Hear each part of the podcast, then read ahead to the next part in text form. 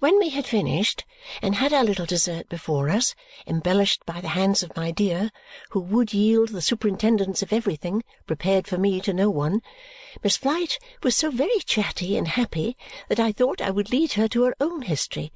As she was always pleased to talk about herself, I began by saying, "You have attended on the Lord Chancellor many years, Miss Flite." "Oh, many, many, many years, my dear. But I expect a judgment shortly." There was an anxiety, even in her hopefulness, that made me doubtful if I had done right in approaching the subject. I thought I would say no more about it. "My father expected a judgment," said Miss Flite. "My brother, my sister. They all expected a judgment, the same that I expect." "They are all "Yes, dead, of course, my dear," said she. As I saw she would go on, I thought it best to try to be serviceable to her by meeting the theme rather than avoiding it. "Would it not be wiser," said I, "to expect this judgment no more?" "Why, my dear," she answered promptly. Of course it would. "And to attend the court no more?" "Equally of course," said she. "Very wearing to be always in expectation of what never comes, my dear Fitz Jarndyce. Wearing, I assure you, to the bone." She slightly showed me her arm, and it was fearfully thin indeed. "But, my dear," she went on in her mysterious way, "there's a dreadful attraction in the place. Sh! Don't mention it to our diminutive friend when she comes in, or it may frighten her. With good reason. There's a cruel attraction in the place. You can't leave it, and you must expect." I tried to assure her that it was not so. She heard me patiently and smilingly, but was ready with her own answer. Ay, ay, ay. You think so because I am a little rambling. Very absurd to be a little rambling, is it not? Very confusing, too, to the head. I find it so. But, my dear, I have been there many years, and I have noticed. It's the mace and seal upon the table."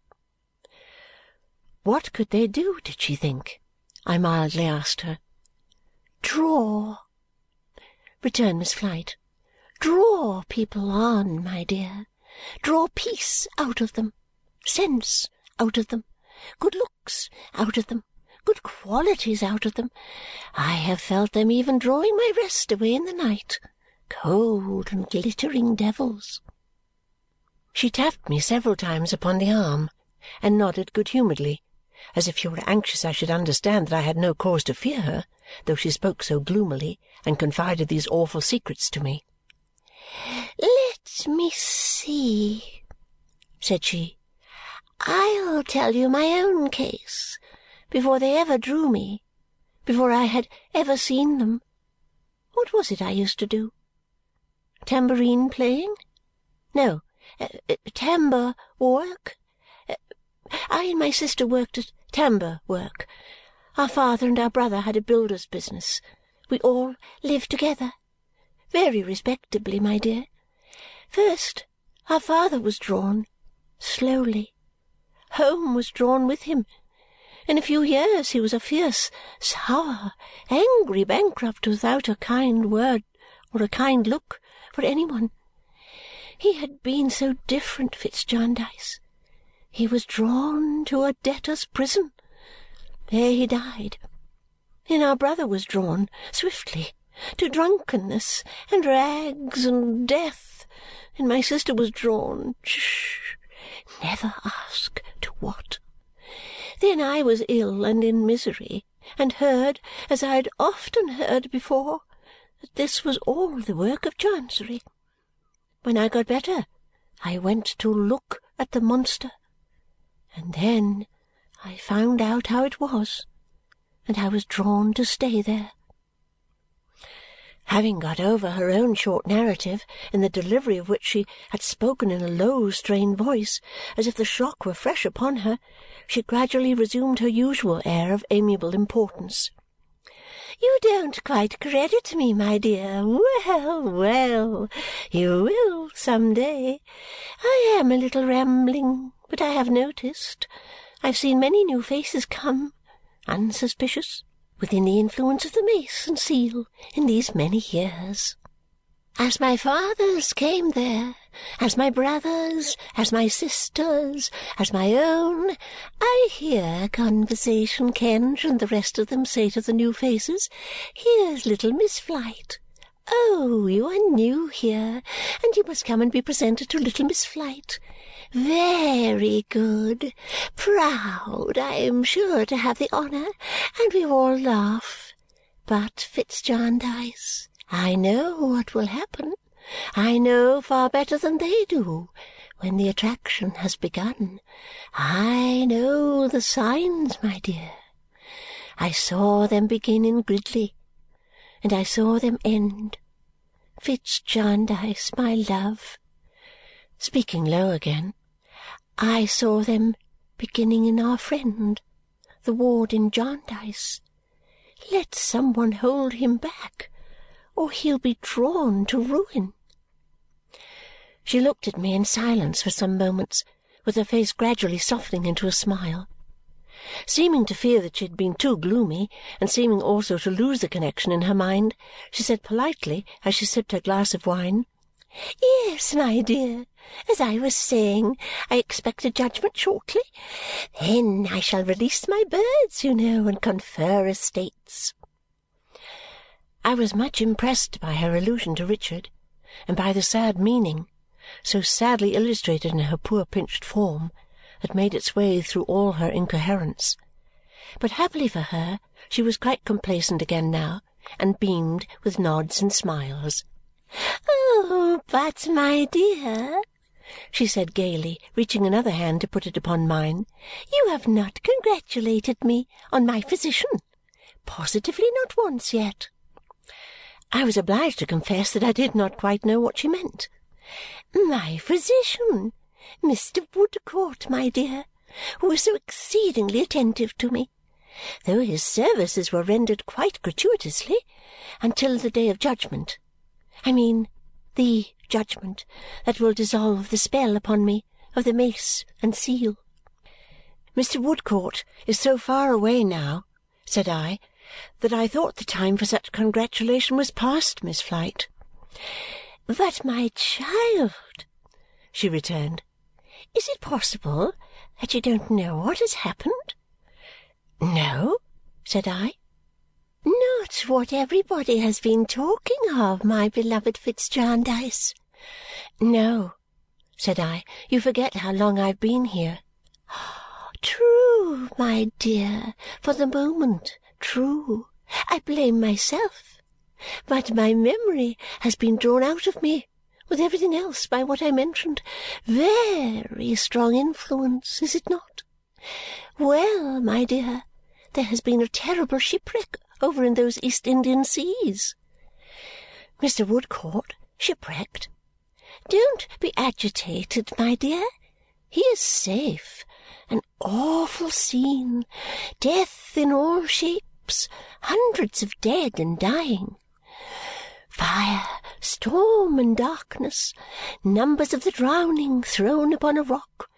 There, and through it all, my dear physician was a hero, calm and brave through everything, saved many lives, never complained in hunger and thirst, wrapped naked people in his spare clothes, took the lead, showed them what to do, governed them, tended the sick, buried the dead, and brought the poor survivors safely off at last.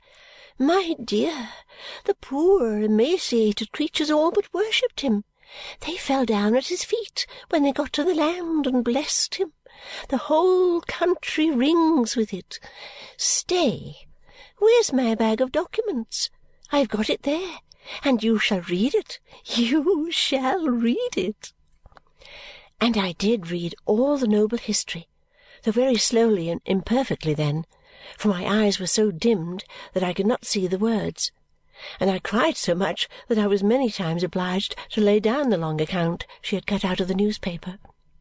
I felt so triumphant ever to have known the man who had done such generous and gallant deeds, I felt such glowing exultation in his renown, I so admired and loved what he had done, that I envied the storm worn people who had fallen at his feet and blessed him as their preserver. I could myself have kneeled down then, so far away, and blessed him in my rapture that he should be so truly good and brave. I felt that no one, mother, sister, wife, could honour him more than I.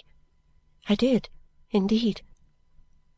My poor little visitor made me a present of the account, and when, as the evening began to close in, she rose to take her leave, lest she should miss the coach by which she was to return, she was still full of the shipwreck, which I had not yet sufficiently composed myself to understand in all its details. "My dear," said she as she carefully folded up her scarf and gloves, "my brave physician ought to have a title bestowed upon him, and no doubt he will. You are of that opinion?" That he well deserved one, yes.